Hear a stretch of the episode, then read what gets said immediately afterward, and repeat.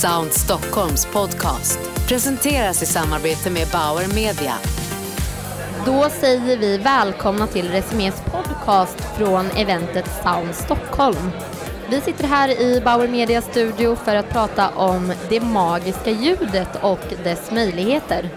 Jag heter Julia Lundin och jag är redaktör för Resumé Insikt. Interaktivitet är det viktigaste när det kommer till att lyckas i de digitala röstassistenterna. Produktionsbolaget Rosina Sound har skapat ett sci-fi-drama där lyssnaren medverkar i handlingen. Vi säger hej till Nicky Birch, prisbelönt kreatör på Rosina Sound och producent till BBC-serien The Inspection Chambers som streamas i Amazon Echo. Hi Nicky, and welcome to Stockholm! Hey, hey! Hey!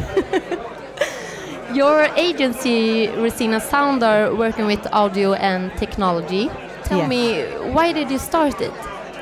Well, I, I've always been interested in radio, been a radio producer for a long time, and then I started moving into audio games and did a few pieces of games uh, for, for iOS, um, just based in audio, so using binaural audio.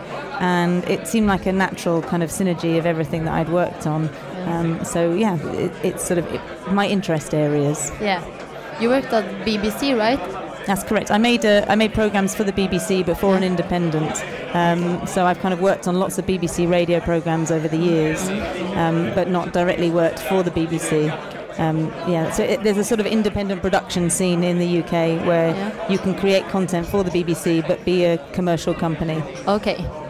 In what way will sound play a big role in our future as a media channel, do you think? Why is sound so effective these days? Oh, that's a big question. Yeah. Um, it's a really exciting time for. Um, I was just speaking to someone from Swedish radio just Yeah. now at, at the conference, and he said, you know, five years ago, ten years ago, we thought radio was on its way down, and now with um, voice interaction, um, it feels like it's a, and podcasting, the boom of podcasting, it feels like it's a it's, it's a whole new world for sound, and it's a really exciting time. So not only is there kind of a huge amount of uh, more people creating audio content at the moment because of the proliferation of, of podcasts, but also um, the people are using voice to interact with in a way that they've never done before. So it's kind of not you've got lots more content, and you've got voice as a and sound as a, a way of searching and, and discovering and uh, making commands of the internet. And so it's kind of it's a really really exciting time to be working in sound. Really cool. Uh, I mean, today we are we are so addicted to our phones and the screens, but in the future, will we be free from the screen? Do you think? I hope so. I don't think we'll ever be free. I mean, our fingers are brilliant um, objects, aren't they? They're so dexterous, and we can use them to touch and to type and to, to swipe. Um, but I do think that our screen is a is a big design flaw. I, I am completely and utterly addicted to it, and, and I think like most people. And I, you know, I walk along the street, no shame, just walk along with the phone out in front of me, you know, o- o- on my phone, and, and that is a is a huge design flaw, really. Yeah. And I think if we can do anything to move people away from that, um, to use our voice uh, and to be able to put at least the phone in our pocket, then that is a you know I, that is a brilliant thing. I think our children will look back at this time and think, what idiots we were, you know, for using Yeah. our phones in this way, and probably for ruining our muscles on our arms, on our you know, on our fingers at the same time. yeah. Yeah. yeah. So uh, you have created uh, created the inspection chamber for BBC or for Amazon Echo. Uh, tell us about that, the process. Uh, Yeah, so I, um, my company Rosina Sound, I got excited about. Um, we got excited about creating um, an interactive audio piece for um, for smart speakers. And I went to BBC Research and Development, which is the sort of the research arm of the BBC, who kind of creates things uh, perhaps ahead of when they're actually being uh, integrated into the BBC itself. Uh, and we collaborated on this, and it's an, it's a it's a drama which is um, there's four characters in it, one of which is you, and you basically play a being being inspected by two scientists, and the other character is Dave, and Dave is an AI, a bit like Alexa, and she kind of guides you round. Um, and you have to make a series of decisions. You're basically interviewed to see what kind of a being you are, um, and you ask a series of questions, and they dictate where the story goes to a kind of rather chilling conclusion. Mm. So you also decide what's going to happen in the end. Yes, yes and no. Yeah, and the thing that we I talked about at the conference here, that I explained that it's not a, you don't have um, infinite number of choices. Um, it's not like every question is, are, are your eyes blue or brown? Go through the blue door. Mm. Um, sometimes there's um, there's a beginning, a middle, and an end to it. Everybody has the same story, but there's just different deviances depending on what you say. Mm. Uh, what was the challenge with this project? You think? The challenges are quite. Um, it's quite a lot of challenges. Number one is because, um, I mean, it's a challenge working in, in with new technology, and there are lots of limitations that what that technology allows you to do. So we wanted to have lots of exciting things like bringing in external data. Um, we wanted to have um, long bits of audio, but you can only have 90 seconds worth of audio before you have to ask another question. Um, we wanted to have, we wanted to do lots more, but we weren't quite able to. Um, and I think one of the interesting things how we went around it was we ended up having a, a multidisciplinary skills team. So we had a um, a writer who'd done lots of interactive fiction. We had a sound designer who'd worked on immersive theatre. We had some developers. We had the UX designers, um, drama producers. Everybody brought something new to the table, and we kind of developed and we worked around using our skills to develop this um, to develop this skill. And a lot of the work went on before you'd actually coded anything. So sitting in a room, working collaboratively, and then writing and doing a lot of different versions of the script before you actually put it into the devices and actually test it. Mm. And you you launched it uh, just recently. Uh, b- Have you seen any results yet, or Well, we've launched um, uh, only a few weeks ago, Yeah. so I haven't been privy to any of the results yet. I think it's done. It's doing well as far as I Mm. know. I j- It's Mm. only just launched in America. Mm. Um, I think last week. Mm. So I'm hoping that It's that has. Yeah, it's quite new. Um, it's in the UK, Canada, America. Um, that's the English. That's all the English-speaking territories. Um, obviously, unfortunately, it's only in English. Mm. Um, being a BBC prototype skill, it's it's not something Mm. that's in other languages just yet. But uh, yeah, wait and see. in Swedish? Not Soon, yet. maybe. well, yeah, unfortunately, you haven't got any Swedish um, uh, Alexa No. devices yet, or, well, because It's not so big not so so- big yet. Nah. Um, many brands now experience uh, experiments with voice technology. Do you have any advice to to them? Is it just to embrace it, or they need to think about certain things, or I would say get stuck in and have a go because it's for very relatively little cost.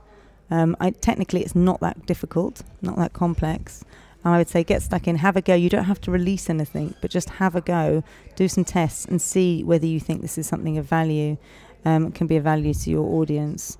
At the moment, the skill store is a bit like the old app store was. It's like the Mm, mm. Wild West. mm, You know, Amazon skills? Yeah, Amazon Yeah. Skills Store Mm. because people are just trying all sorts of crap. There's all Mm. sorts of stuff out there, Mm. and it's like some of it is just developers playing around. So I think you know if you if you think about what you're going to do. Uh, and invest time and, and good kind of creative Mm. um, thinking to it. I think you'll you know you'll be able to rise to the top quite Mm. quite quickly and quite Mm. easily. Mm.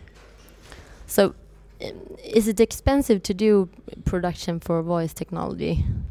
I mean, You- expensive to do it well. Hmm, I suppose in comparison to what, uh, it's not that expensive because radio production and a bit it's of not coding any is visual. Uh, it's not any visual no. exactly. So no, but in terms of time that it takes Mm. to get it right, Mm. there's quite a lot of testing to be Mm. done. So I think in the scheme of what a brand might spend on, um, you know, a visual piece, it's not at all expensive. Mm, mm. Uh, i- currently, currently, uh, you are working in a project with the BBC on how voice can develop how we inform, educate, and entertain. Can you share some insights from that project, or Well, I can tell you a little bit about what the BBC is doing. Um, they are going to be releasing their skill, which is um, effectively their radio mm, on basic on, on, on Amazon Alexa in before Christmas, hopefully, and that'll be where you'll be able to listen to the radio um, via Amazon Alexa. So that's that's a starting point. mm, I think that's just a starting point, and that's really exciting. mm, Um, and then we're ex- looking at exploring um, new prototyping new formats, voice first formats, um, looking at areas like news and children's content. So it's all I can say is I think watch this space. I think BBC is going to be doing some really exciting pieces of work very Mm. soon. Mm. Uh, so apparently voice technology becomes more pervasive in, in our lives and studies shows that more than 50% of global smartphone users want a voice assistant that can help them shop in a store have have we just seen the beginning of this uh, i mean will alexa be taking over the world or what do you think I think Amazon would like that, wouldn't they? yeah I think they're going to be releasing all sorts of stuff after Christmas. Yeah.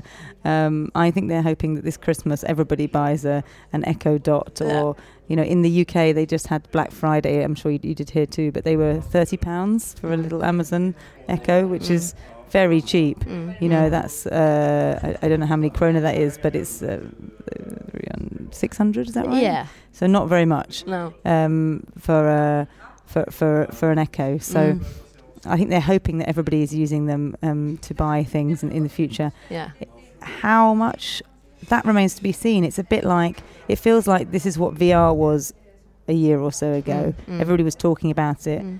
But it hasn't. VR hasn't kicked in. Everybody's using these headsets. They're just not. There's certain No, people who want so them- big. Yeah, and exactly, they're not right for everybody. So I'm not a voice evangelist in the way that I think necessarily everybody. It might not be right for everybody, and let's just see how users take it up. You know, Mm. we'll see. Mm. It remains to be seen how audiences, um, you know, become interested. I think the advantage that voice has over something like VR is that we all all have phones in our pockets already. Mm. We already have the devices with this technology enabled. Um, so, you know, and if we can make it so it's easier for us to do things like shopping or you know, or just um, talking to friends, which are, is what something that, that's what a phone's for. But i on your Alexa device, you can speak to somebody in another room, you know, another uh, another person in another house who's got an Alexa device. Um, so if it does make it easier and it does take our take us away from the telephone and looking at the screen all the time, then I think it probably will be as all pervasive as they think. Mm. Thank you so much, Nicky, for coming here today. Oh, you're welcome. Thanks Yeah. for having me. Thanks. Bye. Bye.